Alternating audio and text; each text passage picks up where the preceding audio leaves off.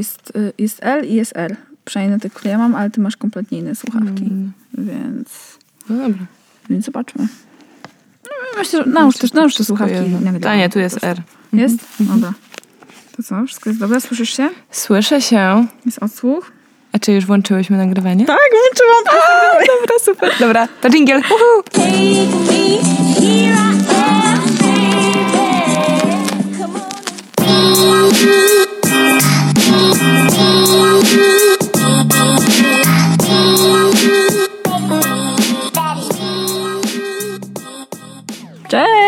Cześć! Ja jestem Zosia. Ja jestem Ula. I to jest nasz podcast. Halo, dziewczyny! No dobra. To co, lecimy. dzisiaj mamy taki miły temat. Tak, na odprężenie. Chociaż zobaczymy, czy będzie taki lekki, miły, ale jest na pewno nadprężenie. Dzisiaj będziemy rozmawiać o ubraniach. Mhm. Lubimy ubrania, Mhm. lubimy ubrania, ale w taki trochę sposób... W jaki sposób w sumie my lubimy ubrania? Ja lubię dobre ubrania. Nie lubię kupować ubrań. Lubię mieć fajne ubranie. Jak gdyby tylko się dało po prostu usunąć ten element Ten proces zakupu. i, i płacenia. O, no to, to tego się, to, to ja tego czasem unikam, ale mogę później o tym powiedzieć. Nie kradnę. Proszę. To, to świetnie, świetnie zaczęłyśmy. No dobra, to y, nie chcemy rozmawiać po prostu o ubraniach, ale chcemy porozmawiać o świadomym podejściu do zakupów ubraniowych, mm, wyboru marek, produktów odzieżowych, z którymi jakby jesteśmy w zgodzie, można tak powiedzieć? Tak, i z których fajnie, y, że wiemy skąd pochodzą. Albo w ogóle jak powstają nasze ubrania, bo to jest taki moim zdaniem przyczółek troszeczkę do tego. Tak. Jak to się bierze, że bierzemy coś z wieszaka, potem mamy to w rękach i w sumie jaką to przebyło drogę i skąd to się wzięło u nas. Tak. E, Teraz jest tak, że jest e, moda w ogóle na e, świadomą konsumenckość, można tak powiedzieć. I materiałów o tym, skąd się wzięły wasze jeansy, wasze buty, wasze czapki, cokolwiek nosicie. Jest bardzo dużo, jest tego bardzo dużo na YouTubie. E, Jest bardzo dużo reportaży i raportów różnych organizacji pozarządowych, które tym problemem się zajmują, także zostawimy im tę ekspercką wiedzę i możecie poszukać. Wystarczy, że wpiszecie coś, nie wiem, etyczna moda, Tak, fashion consumerism. Dokładnie. I na pewno znajdziecie masę, masę informacji na ten temat. Myślę, że większość naszych słuchaczy to są świadome osoby, ale jeśli nie wiecie, skąd się wzięły wasze jeansy, to koniecznie sprawdźcie, bo możecie przestać chcieć je kupować. Ja na przykład już przestałam chcieć kupować w Levisie, mimo że kocham tę markę. Jestem do niej bardzo przywiązana, ale już, już nie mogę kupić jeansów Levisa. Trochę mnie to boli. No dobra, to jak się to zaczęło w ogóle? Skąd tam się to wzięło? Że kiedyś były jeansy Levisa, były super, a teraz tylko muszę znosić te, które mam już do końca, zajechać je ostatecznie i więcej ich nie kupić, przynajmniej nie w sklepie Levisa. No dobra, Ula. To co, skąd u mnie to się wzięło? Skąd się wzięło? Dawaj. I E, kiedy? Jak? U mnie to się wzięło, kiedy kupowałam moją pierwszą skórzaną kurtkę w życiu. Mhm. Miałam wtedy może, nie wiem, no kilkanaście lat, z 18.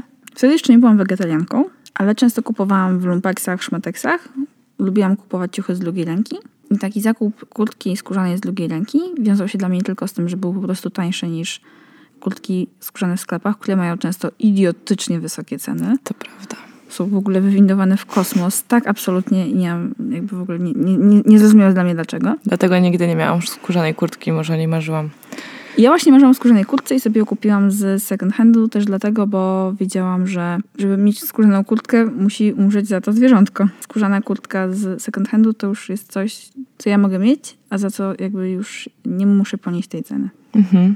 Trochę może nie do końca o tym całym pochodzeniu tej skórzanej kurtki, ale od tego, że to była taka pierwsza taka myśl, którą dobrze pamiętam, że aha, czyli to nie jest, że to po prostu płacę i to kosztowało tam 50 czy 100 zł. To ma trochę inną cenę. To ma wyższą dużo cenę.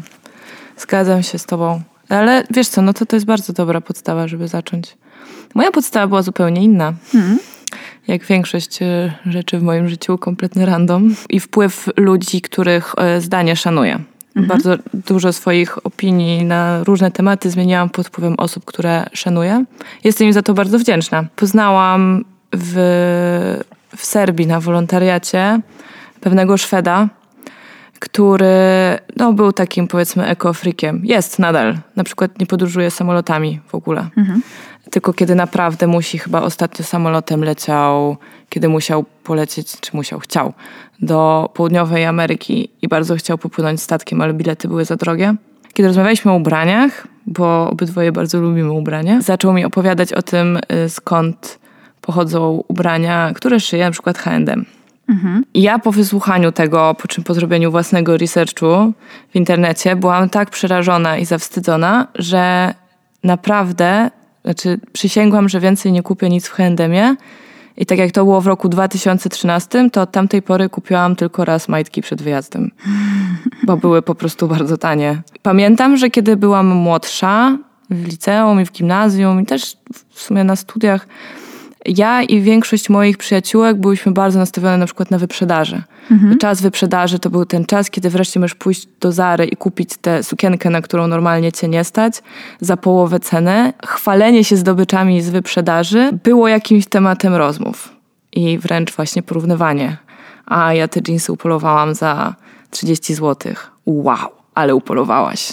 Było to coś, czym można było się pochwalić i później właśnie kiedy zdałam sobie sprawę z tego, że te ubrania mają długą historię i długą drogę za sobą i to bardzo bolesną drogę tak naprawdę, nie dla ubrań, tylko dla ludzi, którzy je wyprodukowali. Postanowiłam, że nie będę kupować w sieciówkach i od tamtej pory ja w ogóle strasznie się męczę, kiedy wchodzę do normalnego sklepu, bo mnie się te ubrania już z zasady nie podobają. Ja już nie chcę ich mieć. To jest bardzo wygodne, jeśli nie masz za dużo kasy. To prawda, ale też w sumie jest tak, że w takim momencie, o jakim mówisz, też ta grupa rówieśnicza ma duże znaczenie, bo też dużo osób często zauważa nowe ubrania wtedy, nie? Jak przychodzisz przykład do szkoły w czymś nowym, to ludzie to zauważają. A myślę, że jak jesteś już osobą starszą, to nie tak często. Taka jest moja obserwacja przynajmniej. Jeszcze się zdarza czasem, że zauważają. No na pewno. Dziewczyny zauważają generalnie, no bo Jak masz coś szałowego. nie wiesz coś szałowego. Albo coś, co sama chciała kupić. tak Albo jak przychodzicie na y, imprezę we wszystkich ubraniach jednej marki, tak jak nam się to praktycznie ostatnio zdarzyło. To fakt. E, ale jeszcze wracając do tego mojego osobistego Tak. doświadczenia, to wtedy właśnie wróciłam z tej Serbii z taką właściwie Ewangelią.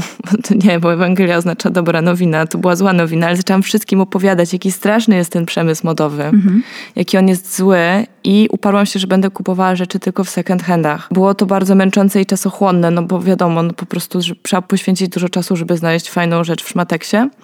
A ja chyba wszystkich męczyłam, bo opowiadałam cały czas o tym i wręcz jawnie krytykowałam osoby, które wychodziły właśnie z torbami napakowanymi ubraniami z wyprzedaży w H&M albo w Zarze. I pamiętam, że wtedy właśnie najczęściej spotykałam się z taką lekko zniecierpliwioną reakcją w charakterze no tak Zosia, no ale, no ale wiesz, no ale ja nie mam kasy, żeby kupować u projektantów, albo ja nie mam czasu, żeby chodzić na lumpeksy, albo no ale to, że ja nie kupię tych ubrań przecież nic nie zmieni. Te fabryki w Bangladeszu, w Kambodży i Wietnamie nadal będą stały e, i to nie ma absolutnie żadnego wpływu, wręcz argument, no ale przecież ci ludzie zarabiają pieniądze. Jak my przestaniemy kupować te ubrania, to z czego oni będą żyli? E, I ciekawe jest to, że obecnie mam bardzo mało znajomych, którzy w ten sposób myślą. Są to ci sami znajomi, którzy przez lata, kiedy temat został nagłośniony, bardzo został nagłośniony przez różne organizacje pozarządowe, zmienili zdanie. Bardzo mnie to cieszy, bardzo mi się to podoba. Więc chyba jednak przyniosłam dobrą nowinę. Tak, ale rozumiem, dlaczego mogli być zirytowani twoją taką natarczywością. Byłam nowo- neofitką. Dokładnie, chciałam, chciałam powiedzieć właśnie, miałeś neoficką energię, neoficki zapał, od którego ciężko trochę podpalić świat. No. No. wszystko. Ale właśnie wydaje mi się, że też dużo dobrego dla świadomego kupowania zrobiła propagacja ruchu minimalizmu. Że to bardzo mocno się skorelowało i na siebie wpłynęło. Ja Akurat mam mieszane uczucia na temat tego minimalizmu. Kiedyś, kiedyś ja z kolei mogłam być neofitką minimalizmu. Bo byłam e, osobą, która po prostu mogła przyjść do szafy moich koleżanek i powiedzieć e, dobra, teraz bierzemy kartony, wywalamy połowę tego, co masz, bo tego nie nosisz, więc po co ci tyle rzeczy. Jakie reagowały? E, Wiesz co, Broniły ja, ja własną byłam, piersi o tej szafy? Ja byłam bardzo przekonywująca. O rany, boję No. się ciebie trochę teraz. Ale to nie było spoko. To nie było spoko i to nie są moje, nie są momenty, z których jestem dumna. Ale właśnie wydaje mi się, że, że ten, ten, ten ruch i to właśnie to, że to się zrobiło takie modne troszeczkę i o tym się mówi, że to właśnie spowodowało, że ludzie w Polsce przynajmniej zaczęli zastanawiać się, co noszą. Mhm. Że to tak, tak wzmocniło ten przekaz. Myślę, że myślę, że masz rację. Jakby ta idea posiadania jak najmniejszej ilości przedmiotów, chyba są jakieś takie całe zestawienia. Noś te same 33 ubrania przez 3 miesiące i to ma jakby nie dość, że cel ograniczenie konsumpcji, bo przez ten czas masz sobie nic nie kupować, to jeszcze pobudzenie twojej kreatywności, bo wymyślasz wtedy zupełnie inne zestawy. Ja też nie jestem osobą, jakby ja lubię ubrania, ale nie do końca może się lubię tymi ubraniami tak bardzo bawić, więc jakby nigdy nie jarały mnie takie tematy, takie challenge. Ale ja też nie jestem taką osobą, która lubi się w ten sposób challenge'ować. Takie amerykańskie słowo. Przepraszam, ale on, tak, tak, tak to się nazywa po prostu. E, No tak, i na. YouTubie są challenge. Akurat przypomniało mi się, że siostra mojego kumpla e, kiedyś właśnie podjęła tego typu wyzwanie, tylko że zrobiła to w celach dziennikarskich. Ona w Wysokich Obcasach prowadziła takie e, mini reportaże, na których testowała na sobie różne mody, między innymi japoński sposób snu, czyli system drzemek. I opisywała to później i właśnie przetestowała ten model posiadania tych 33 sztuk odzieży, czy jakoś tak. E, I podobno potem już była chora, jak patrzyła na siebie w lustrze. Już nie mogła patrzeć na siebie cały czas w tych samych ubraniach i z ulgą zakończyła to wyzwanie. Nie sprawdziło się to dla niej, bardzo się męczyła. Ja właśnie miałam kiedyś bardzo małą szafę, tak jakoś w okolicach 2010 czy 2011 roku. Zaczęłam bardzo mocno redukować wszystkie rzeczy, które posiadałam. Miałam naprawdę dosłownie dwie pary spodni, trzy pary butów, 10 t-shirtów, trzy długie rękawy, czapkę płaszcz. Jakby ja nie byłam w stanie przynajmniej długo na tym pociągnąć. Rozumiem, że być może dla ludzi to jest bardzo fajne, bo możesz cały swój dobytek spakować i wyjechać. Ja akurat wtedy nie wyjeżdżałam, nie e, mieszkałam cały czas w Warszawie, ale to było takie bardzo męczące właśnie po którymś momencie. I tak się ubieram dosyć monochromatycznie i mam bardzo ograniczoną paletę kolorów, jakie noszę, Ula ubiera się głównie na czarno, to dla tych, co jej nie znają. ale w lato noszę też biały. Tak, biały, czerń. No, Tak, na, to- tym, na tym się kończy. Ula ma żółte słuchawki i różową torbę. Tak, to, ja uwielbiam kolory, bardzo mocno uwielbiam kolory, tylko po prostu y, nie na, nie na sobie. Niemniej, y, właśnie to, to było super męczące, mimo to, że jakby... Wiesz, co było w tym paradoksalnie totalnie denerwujące? Nie wiem. Konieczność lubienia prania co dwa dni. Naprawdę, konieczność robienia prania co, co dwa dni. Mimo, że ja miałam te ubrania naprawdę świetnej jakości i wtedy faktycznie, to, to, nie były ubrania z Polski, ale były świetnej jakości i super wytrzymywały te pranie co dwa dni, to i tak po kilku miesiącach były już zużyte, bo tak się po prostu nie dało robić. I te ubrania też nie odpoczywały. I na przykład tak na marginesie to jest bardzo szkodliwe dla butów, posiadanie tylko dwóch par butów, dla nóg i dla butów, bo buty muszą odpoczywać między twoimi nogami i twoje nogi też lepiej, żeby miały różnorodne obuwie. Taka sytuacja.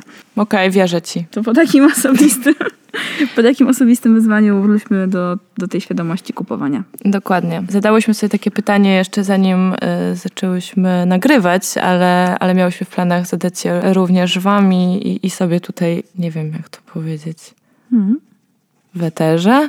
Dobra, nieważne. Chcemy o tym pogadać, bo kupowanie ubrań od lokalnych dostawców, od polskich, no jesteśmy w Polsce, czyli od polskich projektantów, jest najczęściej drogie. Jest to kosztowna zabawa. I ten argument wielu moich znajomych właśnie, że oni nie mają pieniędzy na to, żeby się etycznie ubierać, bo stać ich tylko na H&M-a, no muszę powiedzieć, że jest dosyć mocny. No bo faktycznie te ubrania nie są najtańsze. Właśnie dlatego, że koszt produkcji jest wyższy. Koszt, koszt pracownika jest wyższy. Koszt pracownika jest wyższy. Tak. Myślę, że też w Polsce tak w ogóle na rynku ubraniowym wcale nie jest tak dużo szwaczek, konstruktorek i innych osób, które mogą pomóc ci we wdrożeniu twoich kolekcji, czy we wdrożeniu twoich ubrań na rynek. Właśnie z jednej strony to jest faktycznie pewnie, tak jak, to jest o, oczywiście drogie i to też często może być niedostępne, poza wielkimi miastami na przykład. Wcale nie jest dostępne. Nie ma butików polskich marek wcale tak wielu w mniejszych miastach, albo nie ma ich w ogóle. Ale też myślę, że warto w takim momencie, kiedy y, kupujesz w, tym, w tych sieciówkach dużo i często, pomyśleć o tym, dobra, ale co ja w sumie mam z tego, że kupuję te ubrania? Bo sam moment zakupu ubrania to nie jest tylko to, że nie masz okrycia i że po prostu skończyły ci się podkoszulki, tylko że je- jednak z tym kupowaniem, z tym momentem kupowania i posiadania nowych rzeczy wiążemy też dużo fajnych emocji, no nie? Dlatego też te sieciówki są takie popularne, więc może też my lubimy sobie dawać te pozytywne bodźce trochę częściej. Ale kupowanie droższych ubrań trochę nam psuje ten nasz mózg, jaszczurzy mózg zakupowca. Mhm. No tak, ale szczególnie jeżeli bardzo podążamy za modą, e, która jak wiemy zmienia się co sezon mniej więcej i w związku z tym tak, po prostu konsumujemy modę w trybie McDonaldowym i z każdym sezonem letnim na przykład chcemy mieć nowe sandały. Pamiętam jak e, moja przyjaciółka w liceum kupowała buty w. I ja ją spytałam, po co ty kupujesz te buty, przecież one się zaraz rozwalą. Ona powiedziała, wiesz co, mi to nie przeszkadza, bo przecież za rok na wiosnę ja będę chciała mieć inne buty, więc i tak kupię inne buty. Idealna konsumentka. No już teraz nie jest. Wtedy tak, no. Wtedy była. Ale tak, no właśnie moda jest w ogóle zwariowana teraz. Już rzadko jest. Dla po prostu cud, że rurki były modne tyle lat. Co nie? To prawda, to prawda. Można było.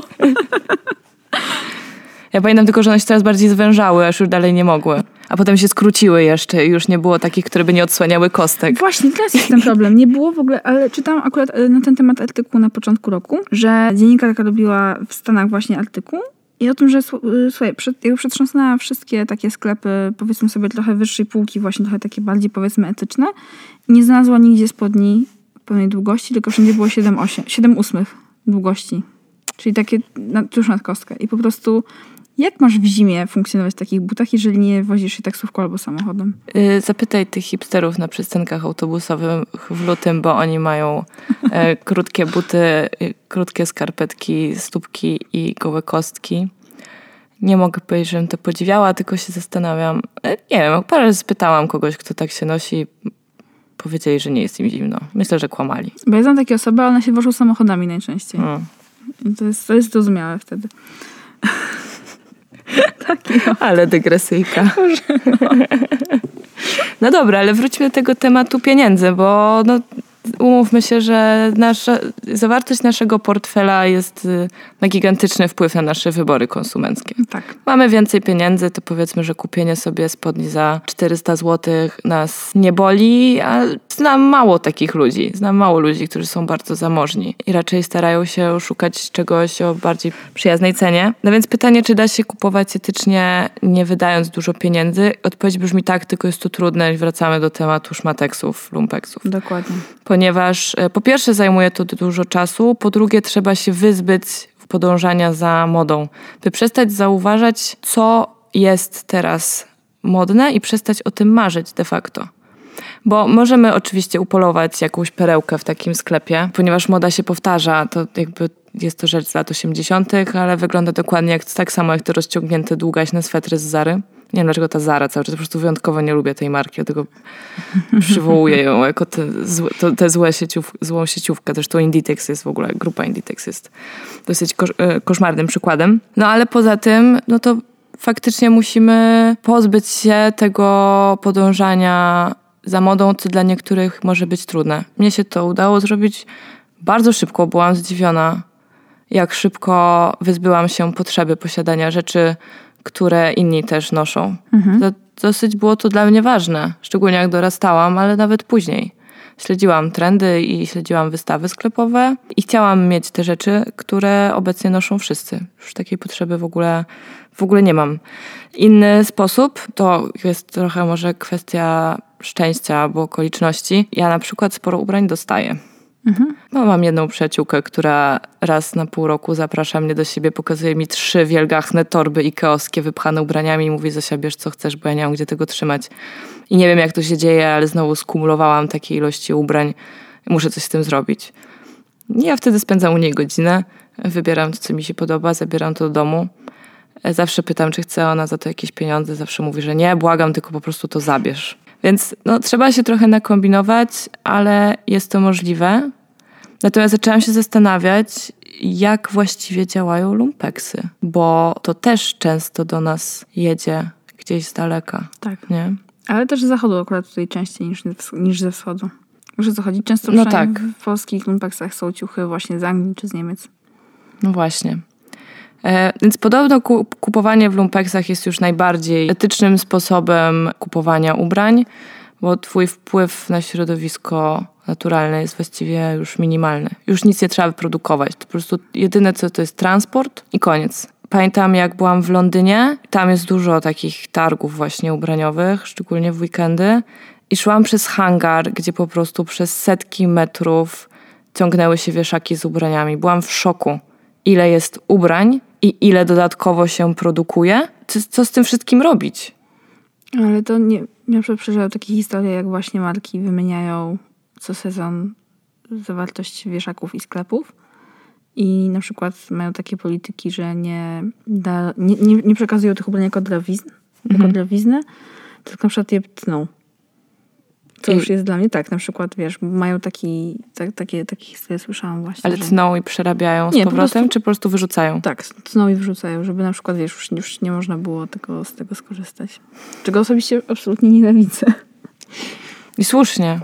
Znaczy no, przemysł modowy generalnie zanieczyszcza środowisko obecnie chyba bardziej niż jakikolwiek inny. Bo pomijając kwestie tych transportów i, i, i fabryk i wszystkiego, no to jeszcze mamy szkodliwe barwniki, On potrzebuje dużo wody też ten przemysł. woda, Taki tak. przemysł mięsny zresztą. Zdecydowanie. I Są różne substancje chemiczne, które są używane do, no tak, no do barwienia ubrań albo do nadawania im, tak jak jeansom, tak. Tak. Proszkowanie jeansów. Bardzo szkodliwe dla człowieka przede wszystkim, który to, to, to wykonuje. Wracając jeszcze na chwilę właśnie do tego etycznego mm, zdobywania ubrań. Mhm. Bo właśnie czasami możesz nie mieć ochoty na, na lumpeks, możesz też nie mieć przyjaciół, którzy noszą te same rozmiary co ty.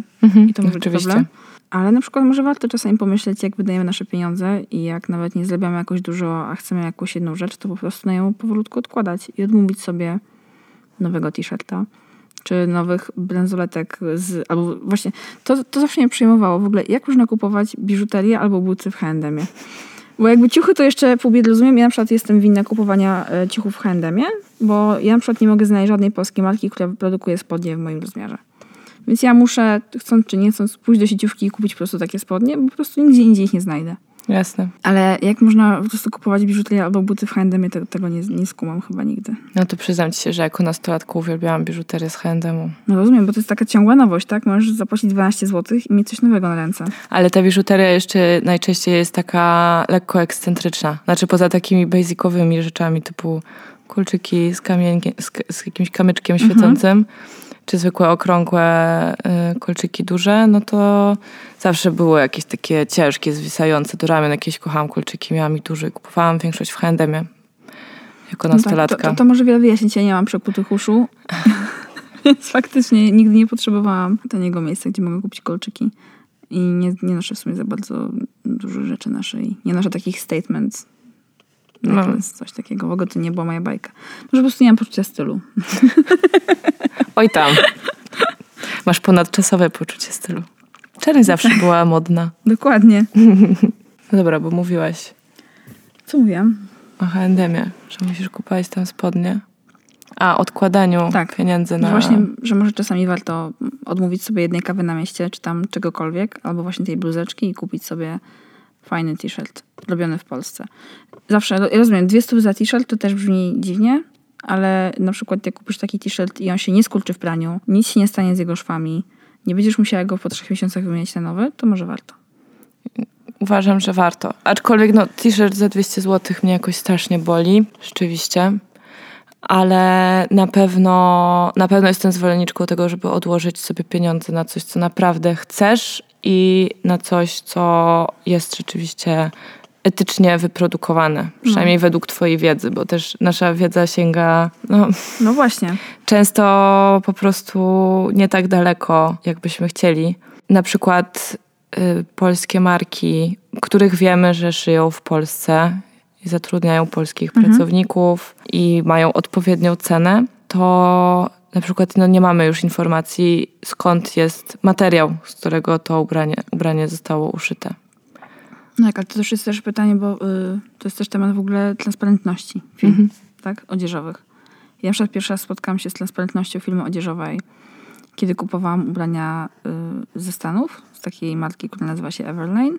Bardzo mi się te ubrania podobały, bo właśnie były takie proste, wydawały się być wytrzymałe, fajne i też ta marka właśnie mocno pokazywała jakby jak rozdziela koszty, w sensie ile kosztują rzeczy, ile to jest marża, ile to są transporty i inne rzeczy. I też właśnie reklamowała się taką jakby bardzo świadomą, po czym no wiadomo, że okazało się, że to wszystko też jest produkowane przed w Wietnamie, czy w Chinach, czy, czy w innych miejscach. Ale oni z kolei obrócili to w swój atut i po prostu zrobili reportaże z tych fabryk i mają teraz na stronie i tak dalej się tym reklamują i to bardzo się dobrze wpasowali w ten nurt świadomego kupowania dzięki temu. Jest teraz dużo marek, które podkreśla swoją em, transparentność i właśnie ujawniają fakty, dane, liczby, wpusz- wpuszczają nas trochę na to swoje zaplecze Budują zaufanie. produkcyjne. Tak, na Instagramie pokazują zdjęcia z pracowni. No, możemy im wierzyć albo nie. No ja wybieram wiarę w to, że są ludzie, którzy faktycznie wkładają też trochę serca w ten biznes Mhm. i próbują, próbują go poprawić. Dzisiaj sobie poczytałam o marce Toms, Mhm. bo w ogóle Ula ma dzisiaj na sobie te buty. Zwróciłam Dzisiaj- uwagę. Dzisiaj jest ciepło, więc mam to. Nie wiem, czy, nie wiem, czy wiecie, więc tylko szybko przybliżę historię tej marki. Założona przez Blake'a Mykoski, który w trakcie podróży do Argentyny y, zauważył, że jest dużo dzieci, które chodzą boso. Postanowił coś z tym zrobić. Założył biznes określany biznesem charytatywnym. Działa to mniej więcej tak, że za każdą parę tomsów zakupioną przez nas, osoba, która butów potrzebuje, a nie posiada, otrzymuje parę butów. Wydawała mi się to dziwna koncepcja, jak zastanawiałam się, jak to się dzieje. Oczywiście dzieje się to przez różne organizacje pozarządowe, które zgłaszają zapotrzebowanie na konkretne buty, konkretne rozmiary dla konkretnych osób i na podstawie raportów właśnie z liczby sprzedanych butów przekazywane są buty dla osób potrzebujących, które są właśnie dystrybuowane już przez daną organizację pozarządową. Więc to jest ciekawe. Da się. Da się. Y, Co prawda nie wiem, gdzie są robione buty marki Toms, ani jak. Myślę, że da się pogrzebać i znaleźć taką informację. Mam nadzieję, że są produkowane etycznie. Właśnie ja chciałabym mm, zostawić was trochę z taką myślą, że żaden z nas nigdy nie będzie świętym. Żadne z nas nigdy nie będzie raczej żyło tak, żeby nie zostawić po sobie żadnego śladu, czy to dwutlenku węgla, czy to zużycia wody, czegoś takiego, ale myślę, że fajnie jest dążyć do mniejszego zła. Do tego, żeby ten nasz impact był coraz mniejszy i mniejszy. Tak, szczególnie, że żyjemy w erze, kiedy naprawdę, wydaje mi się, że naprawdę konsument już ma bardzo wiele do powiedzenia i swoim portfelem po prostu dyktuje warunki rynkowe. Tak. Myślę, że zaczyna się taka era. Jesteśmy jeszcze daleko, daleko od ideału i pewnie nigdy nie dotrzemy do ideału, ale możemy próbować i być w zgodzie ze swoim sumieniem, swoimi wartościami. Tak. I warto też po prostu myśleć o swojej odpowiedzialności i też ciągnąć do odpowiedzialności marki na przykład. I o to pytać, albo się domagać, albo zwracać na to po prostu większą uwagę. Dokładnie. Dokładnie. Takie przesłanie, taki, taki, taki zapał. Może już nie na oficki, ale zapał. Tak. No, muszę powiedzieć, że akurat ty i ja jesteśmy dosyć w temat wkręcone. Tak. Staramy Ale się nasze, bardzo. nasze koleżanki te też, takie nasze wspólne grono koleżanek raczej też. No, Może z różnych super. powodów często, ale, ale tak. Wszystkim kibicujemy w waszych e, etycznych, konsumenckich wyborach odzieżowych. wyborach odzieżowych i nie tylko, a o innych konsumenckich wyborach, również etycznych, pogadamy kiedy indziej. No, a tymczasem możecie do nas pisać na naszego maila halodziewczynymałpa.gmail.com Jeżeli macie na przykład jakieś fajne polskie marki, których myślicie, że może nie znamy, to chętnie je poznamy Mhm. na przykład. Albo jakieś protipy, jak można bardziej etycznie kupować ubrania. Bo na pewno jest coś, o czym nie powiedziałyśmy, o czym No, wiecie. nawet o szyciu nie pogadałyśmy, Dokładnie. widzisz. W sensie ogólnie jakby te... tak, A ja nie umiem szyć, więc... ja umiem szyć, ale już, już dawno nie szyję. Ale to też jest, na przykład przerabianie ubrań jest bardzo spoko. O, no, Mhm. no, no. Tym się zajmowałam. No właśnie, właśnie. Dobra, i tak, możecie do nas pisać na naszego maila. Mamy też stronę na Facebooku oraz kanał na Instagramie, więc wystarczy, że wpiszecie w wasze, wasze wyszukiwarki na social mediach Halo Dziewczyny, na pewno nas znajdziecie. Tak. No, fajnie. No, to zostańcie z nami. I kończymy ten odcinek. Dziękujemy nie? Wam, że nas słuchacie. Dziękujemy. Pa! Pa!